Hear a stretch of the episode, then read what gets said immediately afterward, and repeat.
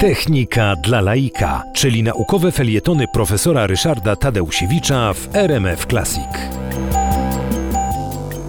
Mamy w tej chwili bardzo wiele różnych tworzyw sztucznych, bardzo wiele różnych tak zwanych plastików i uważamy je za coś oczywistego. Mało tego, no, mamy z nim kłopoty, bo te odpady właśnie plastikowe e, zaczynają coraz bardziej napełniać śmietniki. Natomiast no, przez bardzo wiele lat, właściwie do prawie końca XIX wieku, jedynym tworzywem, jakiego się używało, to były tworzywa naturalne.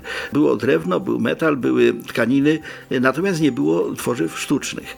E, Przełom nastąpił w momencie, kiedy w 1870 roku Izajasz i John Wesley Hyatt, dwaj bracia, zaczęli eksperymentować w związku z tym, że z kolei firma Filen Calder, która produkowała kule bilardowe, zaczęła mieć kłopoty z surowcem. Okazało się, że bilard stał się popularny, kul bilardowych trzeba było coraz więcej, no a słoni do tego, żeby tworzyć te z kości słoniowej kule bilardowe, no zaczęło brakować. Zresztą no, do tej pory y, oburzające jest to, że czasem zabija się słonia tylko dla jego kłów. Natomiast właśnie ci bracia Izajasz i John Wesley Hyatt próbowali stworzyć sztuczne kule bilardowe, nasączając kule z trocin rozmaitymi substancjami.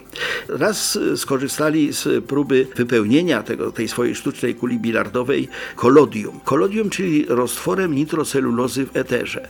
No i to nie udało się, ta kula nie była dobra, natomiast trochę e, wylało się tej nitrocelulozy w eterze na płytkę, na, na, na stół i okazało się, że to zastygło w taką właśnie bardzo ładną, przeźroczystą, łatwą do barwienia płytkę. W ten sposób bracia Hiat stali się twórcami celuloidu, czyli pierwszego tworzywa, które zostało zastosowane. To tworzywo miało wpływ nie tylko na gospodarkę, ale także i na kulturę, dlatego że taśmy filmowe które zostały wynalezione przez Hannibala Goodwina w 1877 roku, mogły być jedynie właśnie celuloidowe. Na szkle czy na jakichś innych przeźroczystych elementach filmu by się nie dało zrobić. Z tego słuchając najlepszej muzyki filmowej, pamiętajmy, że zaczęło się od tego, że nie chciano zabijać słoni.